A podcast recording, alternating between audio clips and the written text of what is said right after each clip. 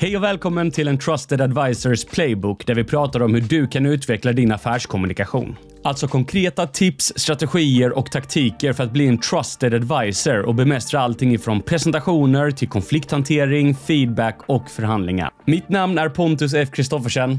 Enjoy! Den evolutionsbiologiska anledningen till att du blir nervös, den grundar sig i ett flockbeteende som är tusentals år gammalt, där vi söker en bekräftelse av vår flock, att vi är ett bra tillskott till gruppen. Och om du inte är ett bra tillskott så är du en belastning och då skickar flocken ut dig ur grottan. Och utan en flock så dog vi. Så när du presenterar idag så kickar en överlevnadsinstinkt i dig igång som gör att du börjar förminska dig själv, du börjar använda ett ljust tonläge och förminskande ordval. För det är bättre att anses som harmlös och få fortsätta vara en del av flocken än att utmana flockens tankar och riskera att bli utslängd. För då dör du. Idag beskriver vi den där rädslan som att vi inte vill se dumma ut eller vi vill inte misslyckas. Och här kommer nyckeln. Det som nästan alla missuppfattar, vilket leder till att vi inte ser den självklara lösningen på att få kontroll på nervositeten. Nervositet kommer inte ifrån en erfarenhet. Den kommer inte från att dina klasskamrater skrattade åt dig när du höll en presentation i skolan. Nervositet kommer från en osäkerhet. Det är en negativ tankespiral av mardrömsscenarion. Tänk så får jag en blackout. Tänk så ställer någon en fråga jag inte kan svara på. Tänk så ifrågasätter någon min kompetens eller relevansen på presentationen. Osäkerheten kring hur du hanterar de här mardrömsscenarierna, det triggar igång nervositeten. Men om du vet hur du ska hantera situationen om den uppstår så bryter du ditt tankemönster. Istället för att fortsätta ner i den här negativa tankespiralen. Tänk så händer det här, tänk så händer det här, tänk så händer det här. Så tänker du, tänk så händer det här. Men det är ju lugnt, för då gör jag bara det här. Så istället för att bli nervös så behåller du fullständig kontroll i situationen. Och kollar vi på det här ur ett större perspektiv så är ju det här anledningen till att professionella presentatörer inte blir nervösa.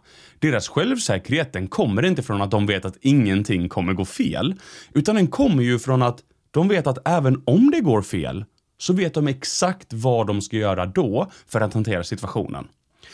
Men istället för att ta den omvägen och göra alla misstag och lära dig av misstagen så kan du göra den här övningen och både minimera risken att situationen uppstår och om den uppstår så vet du exakt hur du ska hantera den.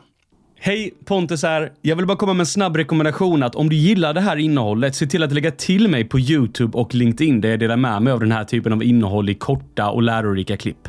Tillbaka till avsnittet. Låt oss ta blackout som exempel, för det är det vanligaste mardrömsscenariot i min erfarenhet.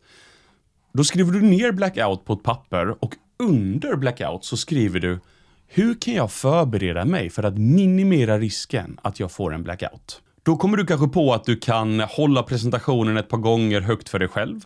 Du kan träna extra mycket på övergångarna mellan slidesen. För det är oftast där vi tappar bort oss. Men sen kommer den viktigaste frågan som kommer ge dig förmågan att ha kontroll över din nervositet inför varje presentation. Om jag ändå får en blackout, vad gör jag då? Och då kanske du kommer på att du kan ha med ett frågebatteri med frågor du när som helst kan ställa gruppen som ger dig ett par minuter att kolla igenom dina anteckningar och ta ett djupt andetag och komma tillbaka till det du ska prata om. För vi tappar inte förtroende för dig om du blir tyst, utan vi tappar förtroende för dig om du blir obekväm. Det finns en väldigt intressant skillnad mellan social osäkerhet och epistemisk osäkerhet. Epistemisk osäkerhet är alltså om du är osäker på kunskapen eller informationen. Vilket betyder att om du till exempel inte har svar på en fråga någon ställer. Det är en epistemisk osäkerhet. Men om du visar att du blir obekväm av situationen, då blir det en social obekvämhet. Och den sociala obekvämligheten, den gör att vi tappar förtroende. Men det som är väldigt spännande, det är att den epistemiska osäkerheten tappar vi inte förtroende om vi har. Det var en liten avstickare, låt oss komma tillbaka till övningen. Det fascinerande, det är att det handlar inte lika mycket om vilka svar du kommer fram till som det handlar om att ha ett svar, alltså en utväg eller ett nästa steg. För när du har en plan på frågan, vad gör jag då? Då kapar du möjligheten för nervositeten att växa fram. Och jag vill inte lova dig guld och gröna skogar. Du kommer förmodligen fortfarande vara lite nervös inför nästa presentation efter du gjort den här övningen. Men du kommer känna en stor skillnad mellan presentationer före och efter du har gjort övningen. Och jag har tränat hundratals med människor i den här tekniken och alla som har gjort den har upplevt en större kontroll och ett större självförtroende efter övningen. Men lita inte på mig. Testa själv, för övning kommer inte hjälpa dig någonting om du inte sätter dig ner och gör jobbet. Så det var allt för det här avsnittet. Testa tipsen. Lägg märke till hur bra de fungerar och kom ihåg att förtroende, det är valutan för framgångsrika affärer.